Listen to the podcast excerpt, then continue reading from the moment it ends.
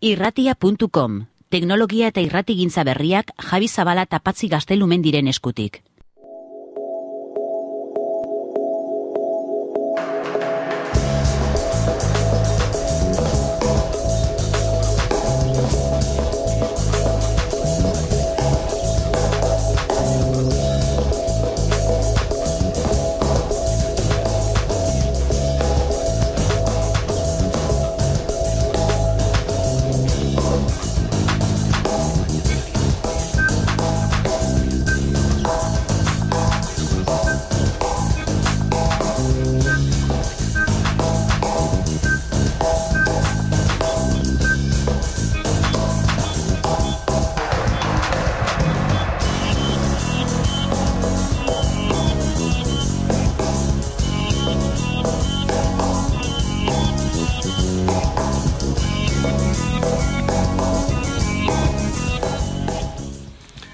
Arratzaldeon, Gabon, egunon, eguerdion, edo nahi duzun momentuan entzuten ari zarelako, haupa, martxoaren sortzi batez ari gara emankizun hau egiten, eta gaur kolore asko hartuko du gure saioak. Ikus entzunezkoek eskainten dituzten koloreak ekarriko ditugu irrati emankizun batetara.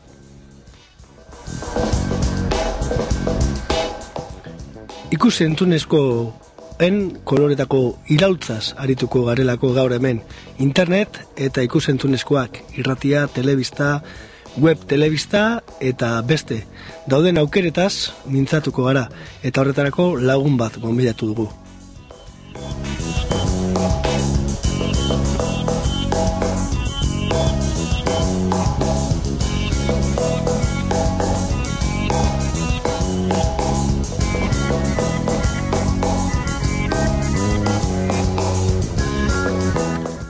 Gaur ere, irratia.com eginten, bi lagun gaude. Teketen eta biok. Arratzaldeon teketen. Aixo, arratsaldeon.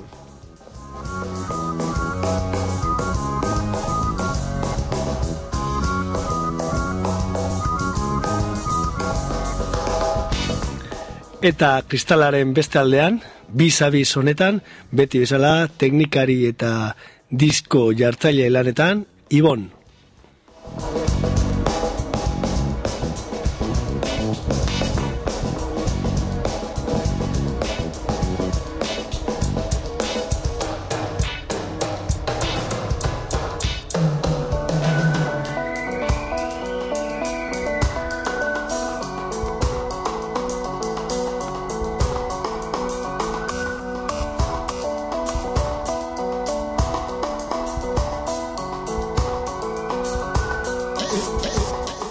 Irratia.com Euskal kultura digitalizatzen, kultura digitala euskalduntzen.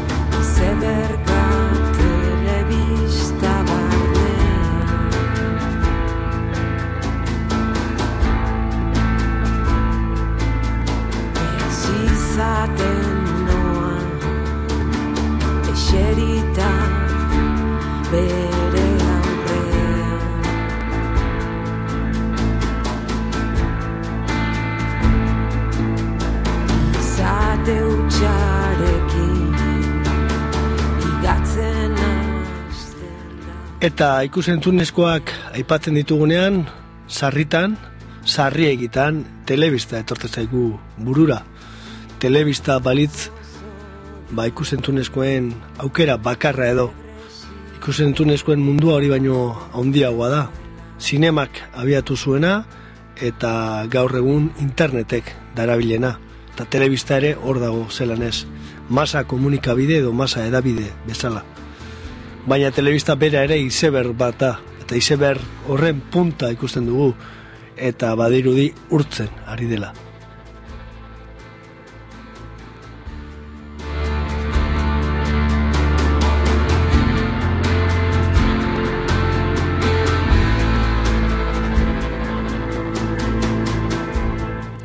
Eta gaur izotz handi hori apurtzen saiatuko gara, barruan zer daukan ikusten edo aztertzen behintzat. Eta horretan lagundu beharko digu teketen gure lagunak, gorka Juliok. Izan ere, telebistaren ikusentzunezkoen eta teknologia berriek ustartzen diren bide gurutze horretan, ba, hartu dugu izpidera gai hau. Eta besteak beste, badakizue, aste honetan bertan, eskoriatan, Mondragon Unibertsitateko UESI fakultatean telebista eta internet izango dituztela izpide eta baliatu dugu testu inguru hori horretaz mintzatzeko.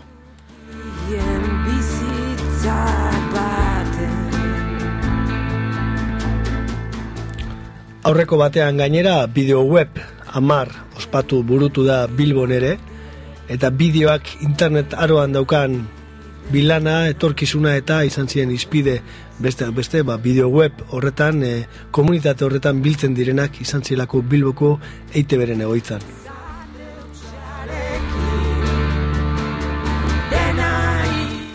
Bideo web, komunikaldiak eta blogosferako gogoetak ustartzen baitugu, bairratia.com saio hau aterago zaigu, besteak beste.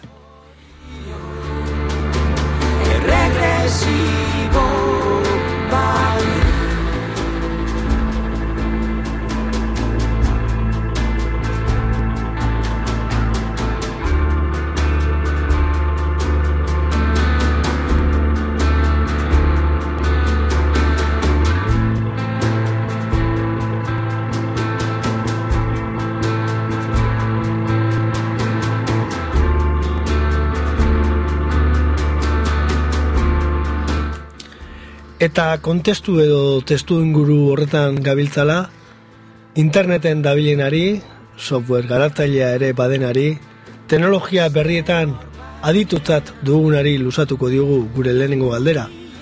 Gorka, testu inguru horretan, zelan ikusten duzu ikusen tunezkoen etorkizuna edo oraina, bere erronkak, bere egitekoak zintu dira zure ustez? Bueno, alde batetik edo, bueno, ja, aditu ez dela aurkeztuta bizkaldo txamaten du, baina nola bait. E, arlo ezbenientatik ikusi daiteke ez, nire ustez, e, lehenengo etako bat, garrantzitsuenetako bat, e, edukiaren aldetik e, dator, nola bait edukia den ikusentzunezko telebista horretan e, egon daiteken edukia eta interneten orokorrean eskaintzen dena beste mota batekoa izan daitekela ikusten dut, ez? Nolait tamaina atletiko baita ere badago hor zer esan, ez? Interneten e, tamaina garrantzia dauka, baita ere gure atentzioa erakartzeko momentuan ere eta hor ere ba asmatu egin behar da. E, eduki bakoitzak bere tamaina behar du eta gainera ezin da luzatu. Me, e, bakoitzak bere zatitxoa behar du, eta normalean eduki txikiak izaten dira, beste alde bat ere behiratu daiteke, eta da pixka bat difusioarena, nola baita difusioa kanalak e, asko orokortzen dira edo zabaltzen dira, alde batetik bideo askegi dezakegu YouTube edo eskaltu bezalako leku batean, gure gogunean bertan jarri, baina horretaz gain e, arpidetzeko gure kanalera edo arpidetzeko ere pausu eman genezake bidcast bat sortuz edo bideo podcast bat sortuz, eta horretaz gain ere nolabait e, ni deitzen diete pixka bat e, efimeroak diren saioak ere sortu daitezke nolabait e, batzuetan erakutsi dugun moduan mugikor batekin edo kamera simple batekin eta internet konexio batekin edo zein lekutatik edo zein momentutan e, telebista edo saio bat e, sor daiteke. E, internetek hori eskaintzen duela ko efimerotasun hori e, dozen tokitatik zure mezua helarazteko aukera hori. Eta gutxi gora bera e, eduki difusio e, arlo guzti hauetatik hori da pixka bat orokorrean e, bueno, gaiari ba, ezagitoina jartzeko era edo. Eta zein da zure ustez gaur egun ikusentunezkoak kontsumitzeko hartzeko daukagun joera edo nola ari gara kontsumitzen gaur egun ikusentzunezkoak? Ba, momentuz, eh, arraroa bada ere, interneten, bueno, bi fenomeno edo kortzen dira, alde batetik, telebista edo mas media horietatik eh, igortzen dena, eta momentuan edo zuzenan ikusi ezin dugun hori e, internetetik jasotzeko joera dago, gero eta gehiago dira baita ere telebista normalak eta e, beren edukiak interneten jarri eta horiek ba, ba podcast edo bitcast moduan ere, noiz ba, ez dakitze momentutan ikusteko krematen dutenak, baina horretaz gain gero badaude nolabait mm, interneterako zuzenean sortutako sorkuntzak eta horiek ba, bere tamaina eta bere formatu berezia dituzte eta horiek ba, ba, ba era puntualetan edo kontsumitzen ditugu eta hor atentzioa jasotzea eta zaia izaten da e, oso luzea izatea ba, hori bereien formatua dela eta batez ere.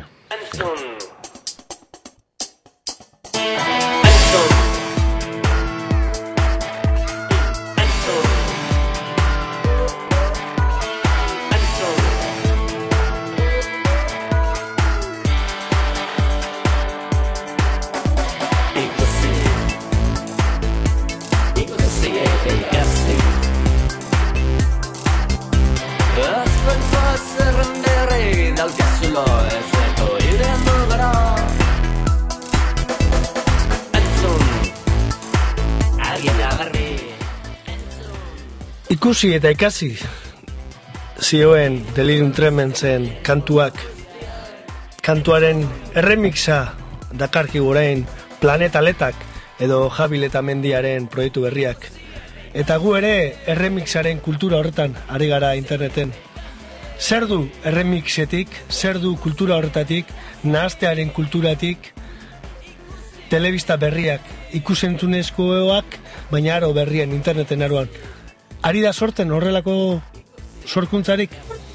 Ba, berez, em, saiakerak egon badira ere gutxi ustiatutako gauza bada, mm, alde batetik dago parte hartzea ez nola baite telebista berriak e, garrantzia bali madu baita ere mas medietako telebista horrek da. Internetekin nola baiteko ez da bai da piztutzera doalako edo piztu beharko lukelako hori hori alde bada eta da nola baita orain arte bai telebistan ezagutu ditugun beste parte hartze tresna bezala telefonoa, SMSa eta horrelakoak, baina areagotua ez, interneteko ez da bai integratu beharko litzateke telebista ofizial hori ez, gero beste erabateko eztabaida sortzen dira benetan e, interneterako bideratuago edukiak. Baina sorkuntza bera hau da e, talde sorkuntza, norbaitek hasi eta abiatzen duen e, bideo eztabaida moduan, ez da asko gauzatu. Hor, batzegoen niri interesatzen zitzaidan e, zerbitzu bat, aspaldi, gero jajuk erosi zuena eta itxi zena, jamkat izenekoa, Bai, nolabait e, hor mm, klip ezberdinez e, bakoitzak bere bideotxoa igotzen zuen eta gero beste guztiena be, berrerabiliz e, sortu zezaken bere bideo propioa edo bere remix propioa de oso politxa zan, eta bere garaian niri interesgarria iruditu zaian, baina nolabait hori ere itzal izan. E, etorkizunean zer etorriko den ez dakit, baina hor bide bat e, urratzeko aukera badagoela argi dago.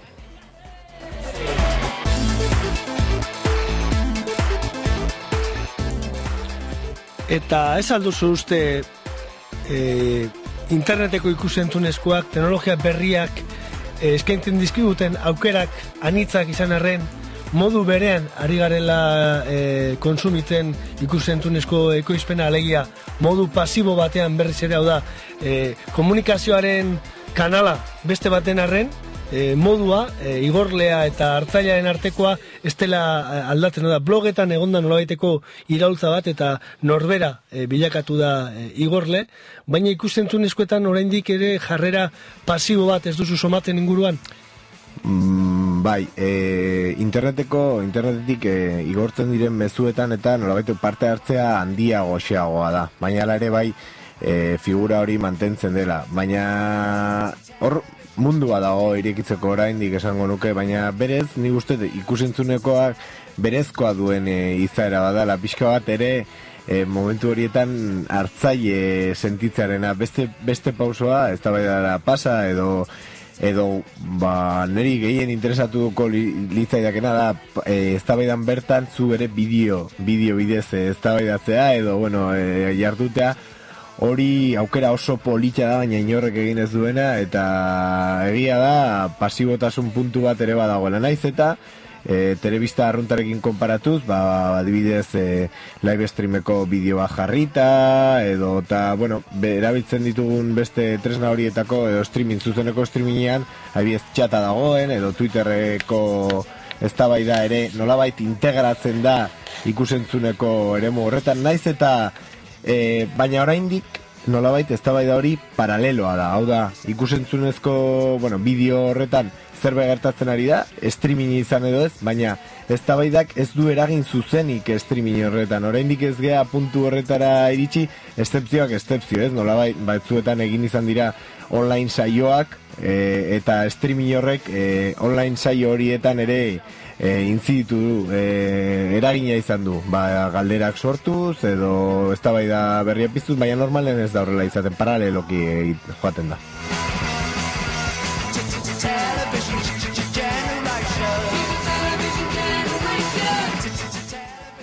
Eta bitartean TV Generation entzuten dugu eta belaunaldi horretakoa gara gu izatekotan. Baina zuk aipatutakoari helduta eta 2009an emandako bi gertakizunetan jarriko dugu orain arreta edo irudia horre egokituko dugu, zentratuko gara eta plano handiagoan jarriko ditugu, ba maiatzaren hogeita bateko greba orokorra eta benduaren amazazpiko unkaren aldeko manifestazioa Bilbon. Greba orokorra info eta unkaria libre.info biek ere e, nola baiteko olako telebista instantaneo bat, hau da, hautzak bota eta esneari kolore aldatu zion kolakau telebista bat, e, bai maiatzaren nogeta bateko grebaren jarraipen egiteko, edo manifestazioaren nola baiteko emankizun berezia. E, zergatik sortzen dira horrelako gauzak egiteko beharra eta nola gauzatzen dira horiek gorka zure ustez? Berez, eh, behar bada, bueno, niretzako bi gertakariek eh, antzeko tasun handiak dituzte eta baita ezberdintasun batzuk ere, baina biek eh, bien antzeko tasunetan dago eh, behar bat atzetik. Lehenengoan eh, greba orokorrean, ba, batez ere bertan bildu, bildu zirenak, e, uste dut nabaritu zutela behar bat egongo zela komunikazio aldetik, inorre jorratuko ez zuen e, komunikazio edo informazio bat eman behar zutela, alde, era bat alde batekoa, naiz eta neutraltasun puntuak ere izan, baina nolabait e, posizionatuz, e, erabaki zuten langileekin egongo zirela egun horretan, eta nolabait beraiek e, langileekin e, egoteko nahi hori islatu nahi izan zuten zerbait egiten eta zerbait hori izan zen e, beraien e, ikusgarritasuna ziurtazuz. Eta beste alde batetik, bestean e, unkarialibre.info ja komunitate handiago bat, esan daiteke herri e, oso bat zegoela, eta horren islada txiki bat, e, ja ez zan visibilitate edo ikusgarritasun kontua baizik eta zan, e, ahots bati nolabait e, e, ez da, oi hartzuna eman, eta baita interneten ere.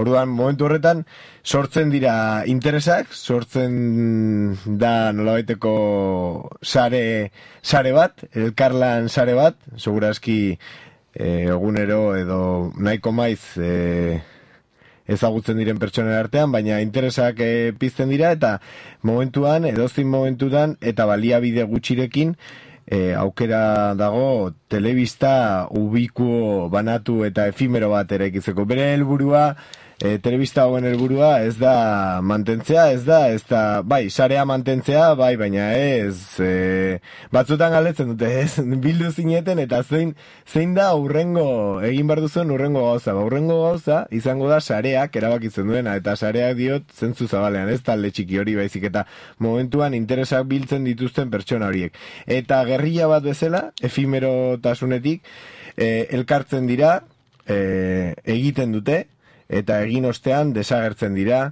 ba, beste herritar edo beste jendearen artean. Eta hori da indartsuena internetek e, aukera hori ematen digu, ba, baliabideak errez eskaintzen dizkigulako, eta, bueno, ba, zenbait erlazio da kontaktu eginez, e, sortzen direlako, interesen bera. Baina tresna horiek egon zarean daude. E, gehienak e, software librean garatutakoa dira, sare sozialetan e, aplikatzen diren tresna gauta beste esan nahi dut, eskuragarri daude. Orduan zergatik edabidek ez dituzte tresna horiek baliatzen. Zergatik telebista batek edo edabide batek edo edo periodiko batek ez ditu baliatzen horiek e, herritarrek edo kasu honetan interneteko erabiltzaileek baliatu aldituzten moduan.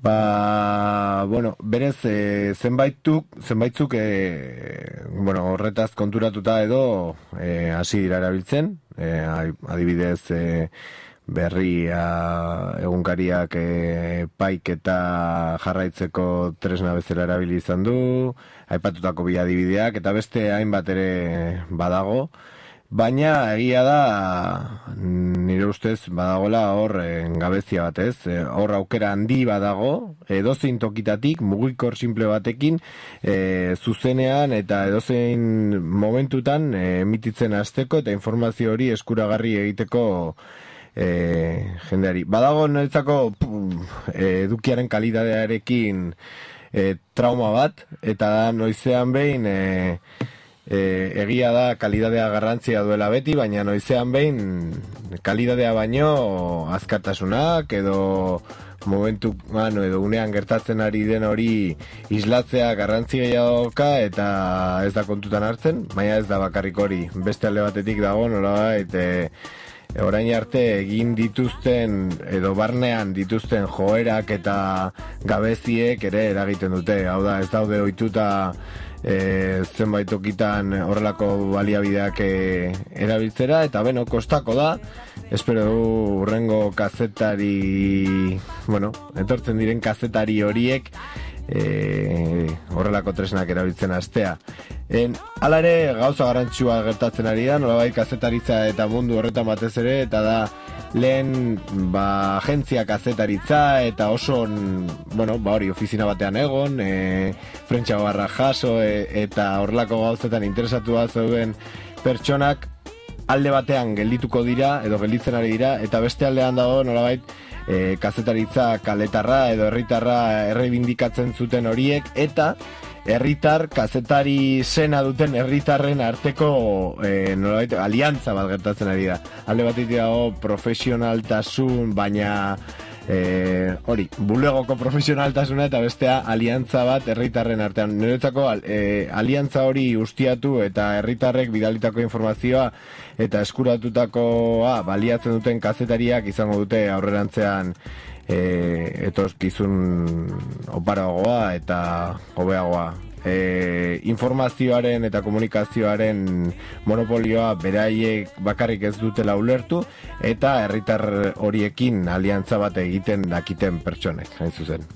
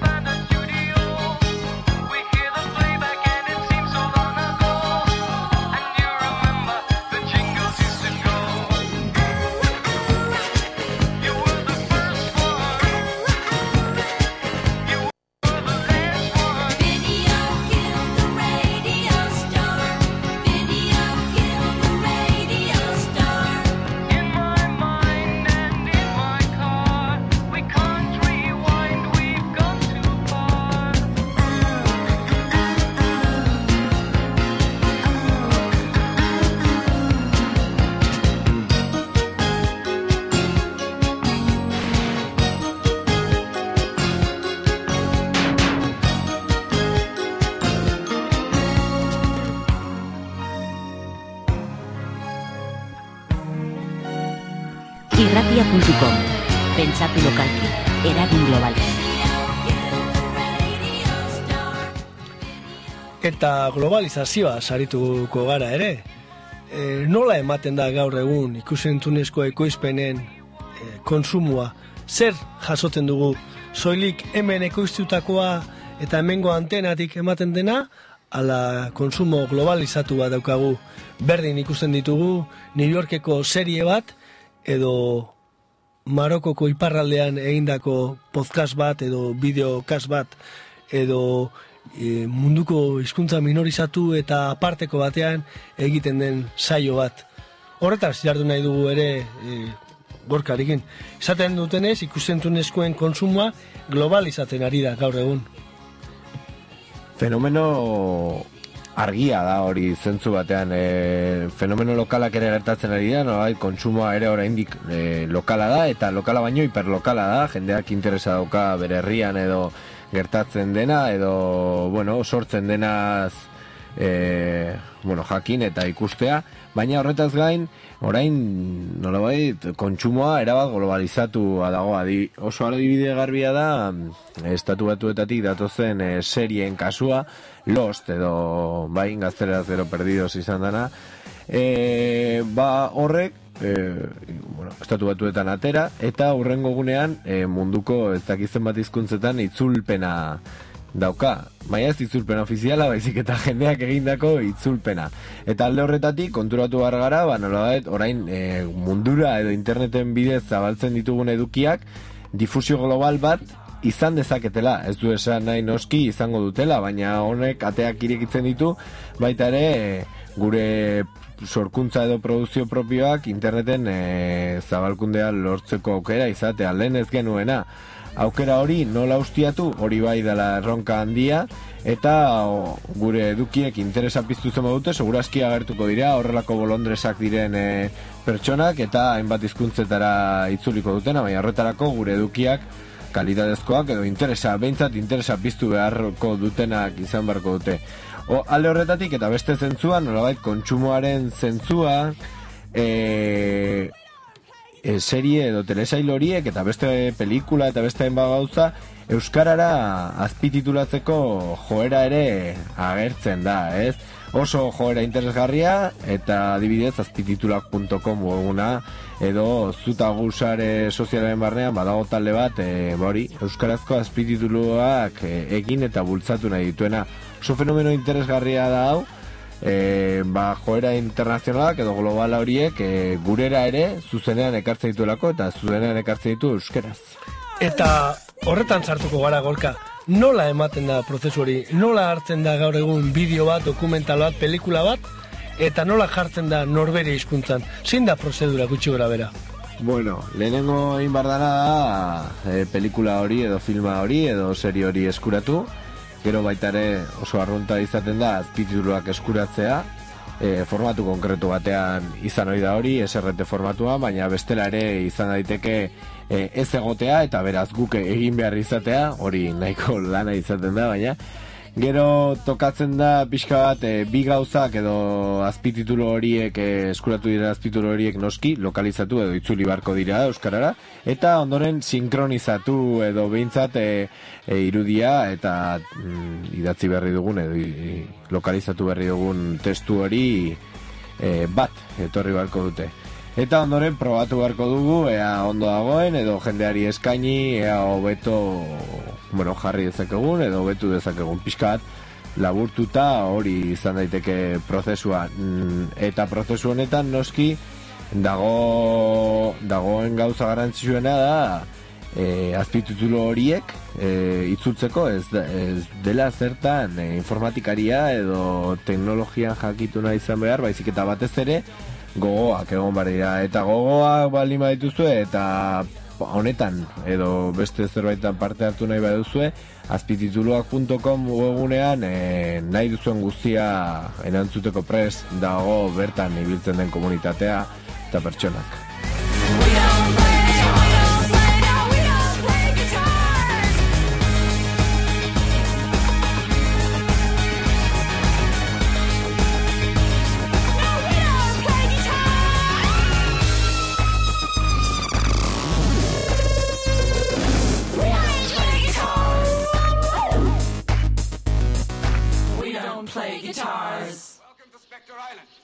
honor.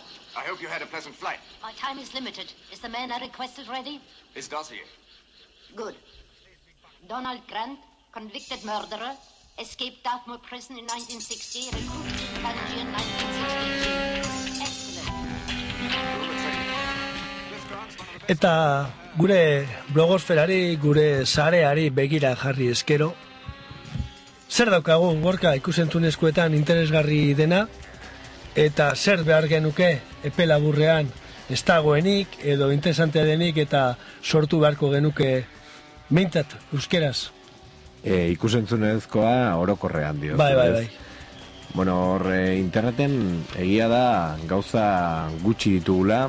E, azken, bueno, segurazki agertuko dira edo agertu beharko dute euskarazko internetera bideratutako edukiak ere horiek bai faltan ditugula, baina horretaz gain ikusentzunezkoa, ba, bueno, ETV batek eta ETV iruk eskaini dezaketenaz gain, Baina, bueno, zentzu horretan abarmenduko nuke ETV irun orain arte egon diren e, saiakera batzuk oso interesgarriak, ale batetik nidunik bezalako programa e, landu dutelako internetekin harreman hori, ez, eta komunitate euskaldunari sostengu bat eman diote orain arte, orain e, ikusiko da zer gertatuko den horrekin ere, baina falta dena da sortzaileak, e, Euskara, Euskaldun sortzaileak e, e, interneten ere murgiltzea, badaude eskolak, e, komunikazioaren inguruan ere, e, erdi profesional, lan erdi profesionalak egin ditzaketenak, eta baita ere badago balio duen jende asko seguru, baina nolabaiteko ez dakit e,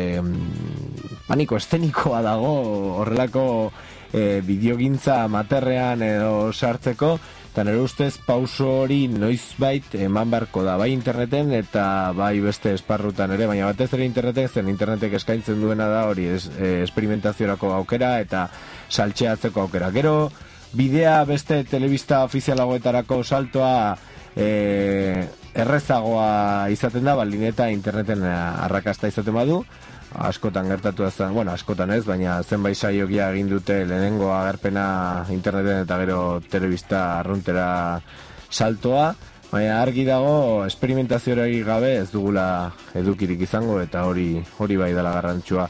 Nabarmentzeko edo falta motatzen ditugun esparro batzuk, umorea, informazioa badago baina informazioa ezakit e, ba, egokitua ez, e, plataforma dero, internetera egokituako informazio pilulak e, garrantzitsua dira. Eta bueno, edozein, edozein eduki e, zentzu zabalean. Eta kanalak edo pertsonek edo talek egindako kanal konkretua balima dira, asko zobe, pilulak ere, pilulak baditugu, naiz eta normalean ez diren sorkuntza e, propioak edo balima dira oso txikiak dira adibide, eta bil, biltzeko toki bat euskaltube.com da. Bertan ditugu orain arte pilula txikiak ez? Jendeak sortutakoak edo internetetik edo bideotatik lortutakoak baina ez dago jarraipen bat izango duten e, saioak, saio pertsonalak edo kolektiboak. Ba, blogak sortu ziren moduan edo podcastak sortu ziren moduan bitkastak e, so, e, bueno, eskintzen dutena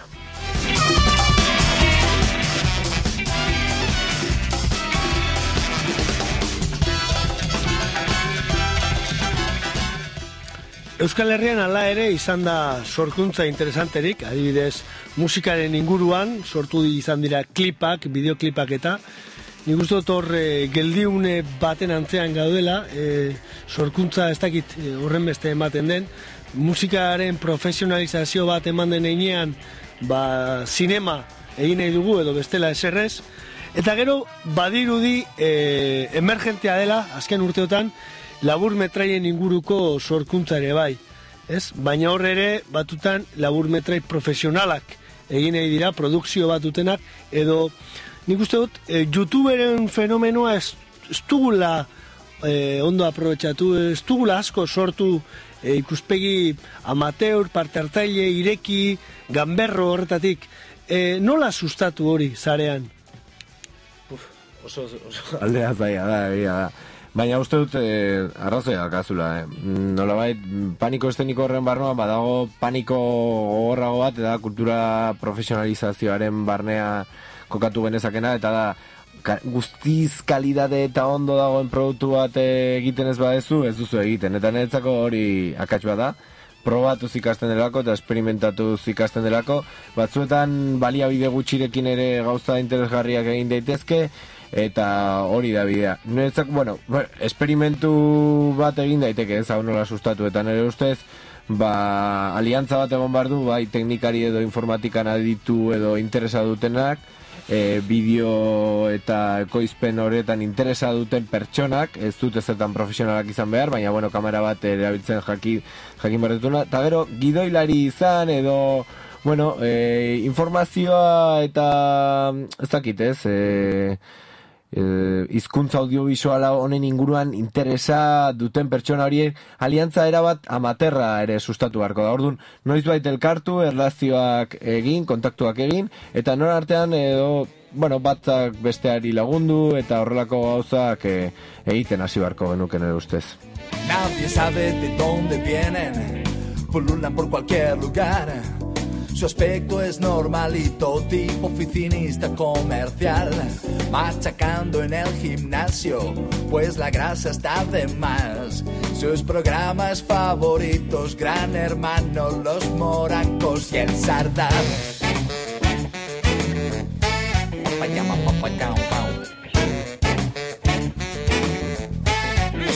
los ha visto. Una discoteca cerca, si los quieres encontrar dando caña al karaoke porque les aburre el jazz. Su misión en este mundo es ponerle al buga musicón con sus graves puñetazos. Chunta, chunta, chunta, chunta, chunta.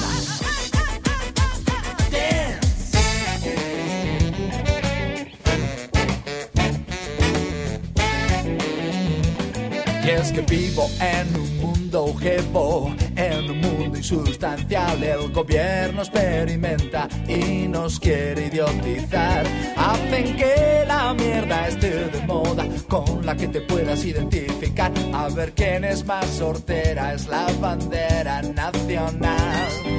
Vivo en un mundo jevo.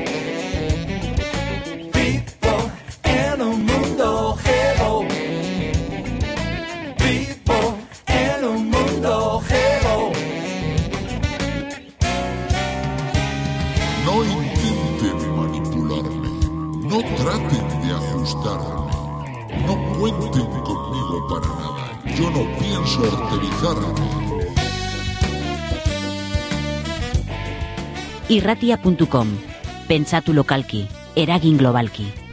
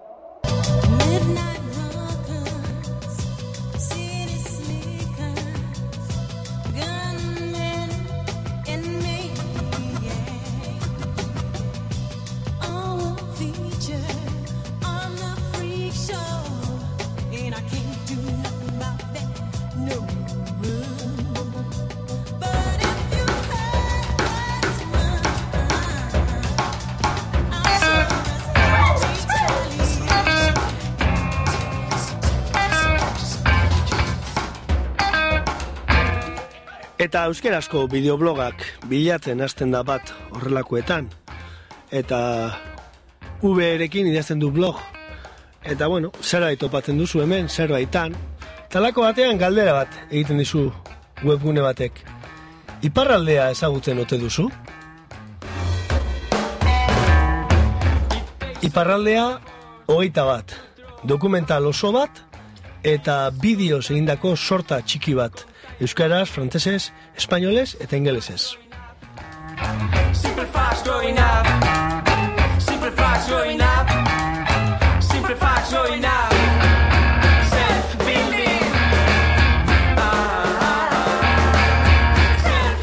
Bideo labur batzuk eta iparralde hogeita bat blog bat ere bai.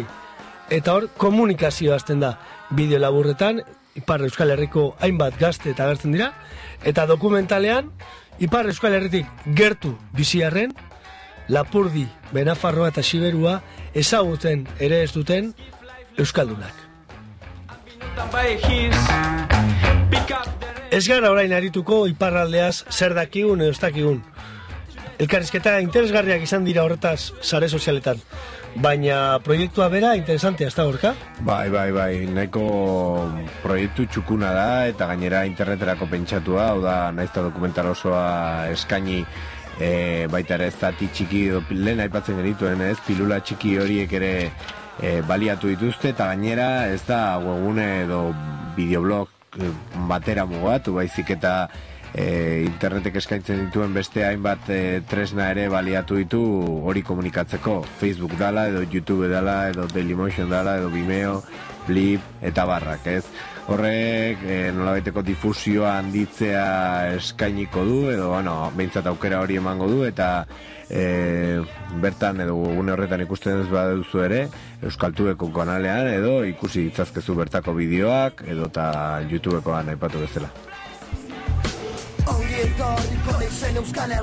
Ici aussi la sur c'est vivant mais on ne lâche pas On clash l'ennemi, on fonce dans le tas Surtout on s'attarde sur les cas de tous les bâtards qui ne dénoncent Pas la tentative d'éradication d'une idéologie Ceci existe encore dans soi-disant démocratie Où la justice est entièrement instrumentalisée Ainsi des journalistes se retrouvent assis dans le banc des accusés Pour avoir véhiculé des idées décrétées interdites Ne favorisant pas l'émancipation de la pensée unique À l'heure où les tortures perdues dans les commissariats Et que les auteurs sont décorés par l'État La guerre rajoute énorme dans ce que je te livre ici Aucun supplément, c'est de par la réalité qui officie Mais face à ça la marque reste mort.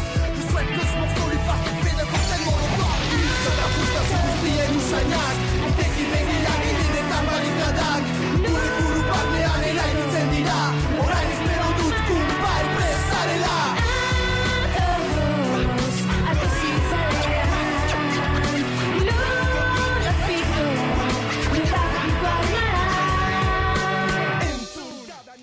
Eta Euskal Kostaldean, zarautzen kokatuta dagoen Dibolex, Debolex, ekoizpen etxeak, produktora txiki horrek ere, oso produktu polita egin du. Lehen gorke gaipatutako pilularen kontzeptu horretan, bos minutuko bideo sortak dira, eta ETV iruk eskaintzen ditu hainbat egunetan, gau partean, eta gainera sarean ere banatzen ari dira Facebooketik, Vimeoko beraien kanaletik, Eta denetarik agertzen dira, berdin agertu daiteke musikari bat, artista bat, soinu ekosle bat, surf taulak iparralean egiten duen bat, edo diseinu grafikora dedikatzen den talde bat, enpresa bat, edo persona bat.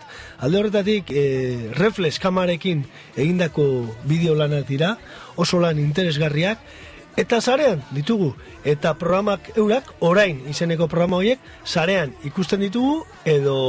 Facebook e, bezalako sare sozial batean emate dute berain berri, edo telebista kanalean ikusten ditugu. Edo zein ordutan eman daitezke, eta nahi beste aldiz. Nola laburra diren, geratzen zara ikusten, edo ez, komentatzen duzu, eta eta alde hortatik komunikazio bat sortzen ere ari da orain izeneko dokumentu horien inguruan eta uste dut oso oso oraingoak direla eta oso online daudela.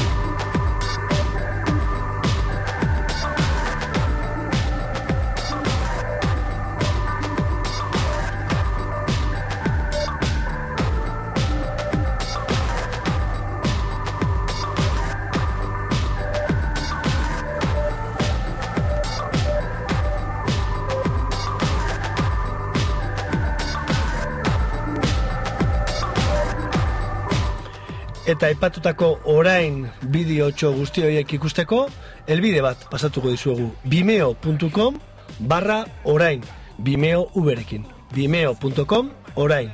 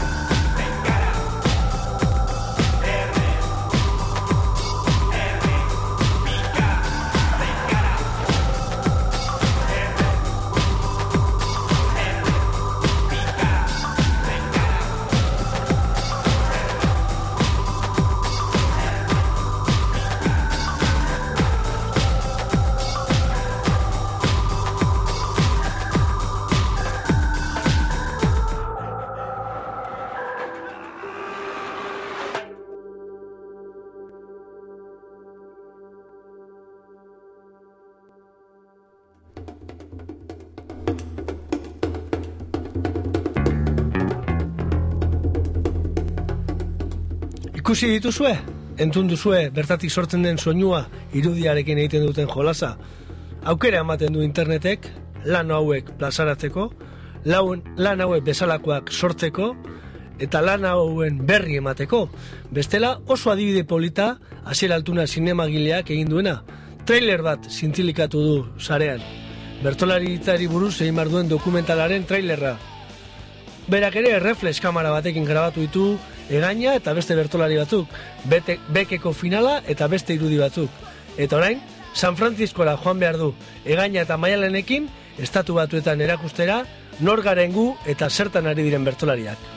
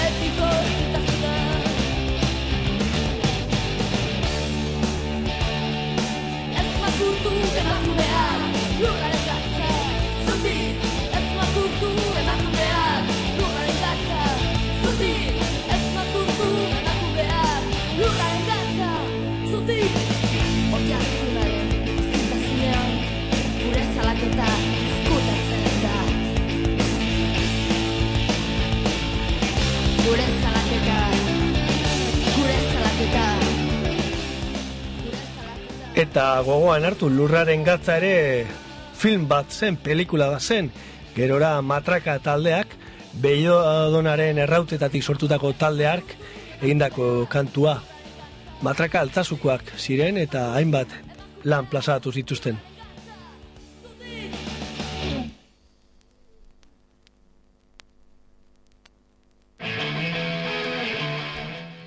Eta guk sai honetan irudiak imaginatu, doinuak jarri, ahotza, loturak eta beste.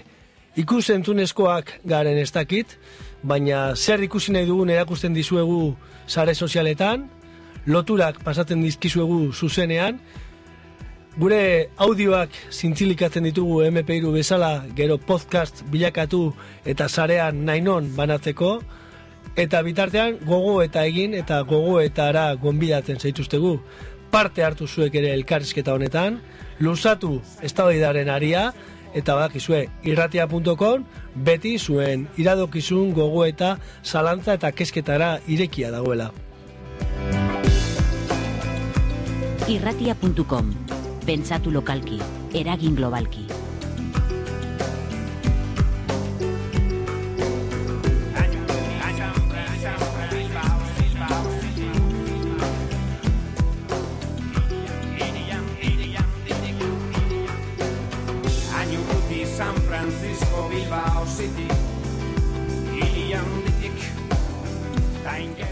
Eta Bilbo iria honetatik, irrati honetako uinetatik, FM-etik zein zaretik, munduratu nahi ditugu saiook, gogo eta podcastak, bideoblogak edo beste.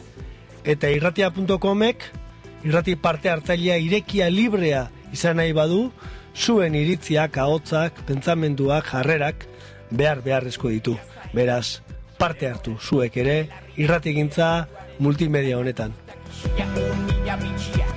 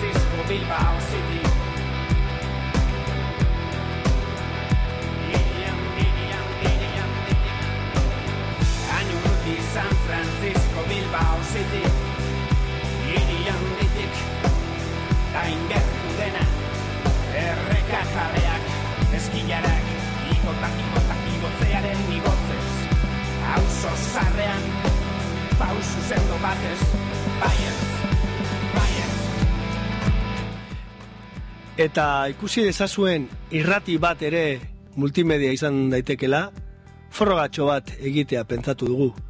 Guk ere irratiko irudiak, uinetatik eta zaretik ezezik, ba, ikusentzunezko ere mura ere salto egin eta jaurtiko ditugu. Une honetan, horrelako telefono batekin ari gara, eta telefonoak ematen duen irudia aireratzen sarearen bitartez.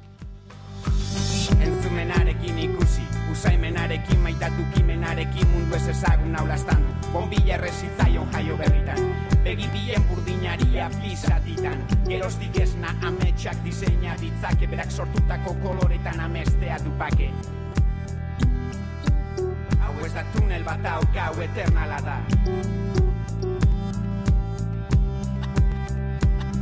Oe. Oe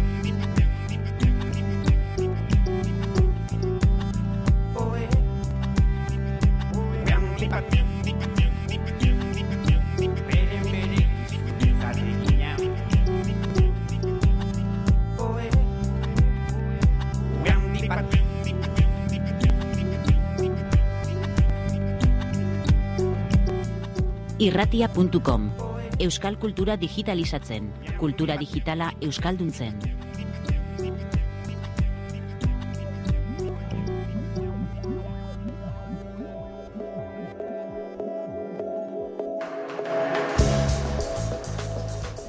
froga bat besterik ez da izan, quick erabilita egin daitekena ikusteko.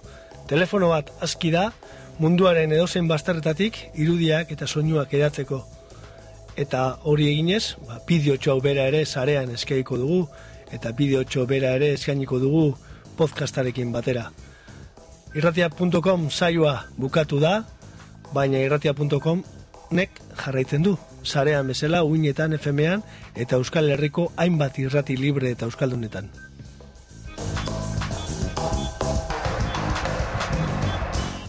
Eta gure adizkideari, gure lagunari aukera emango diogu, zuek, entzuleok, agurtzeko zelanez. Bueno, ba, eh, hemen gustora gongea, batxi eta biok, eta esker, eskerrik asko gonbidatzeagatik, baina konturatuko zineten ez, irratia.comek, eh, bueno, bideoaz, eh, hitz egiten egon da, baina berak ere bideoa faltan. E, presioa egin barko diogu, ea noiz bait animatzen diren horrelako telebista bat ere edo, beste zerbait egitera. Aio!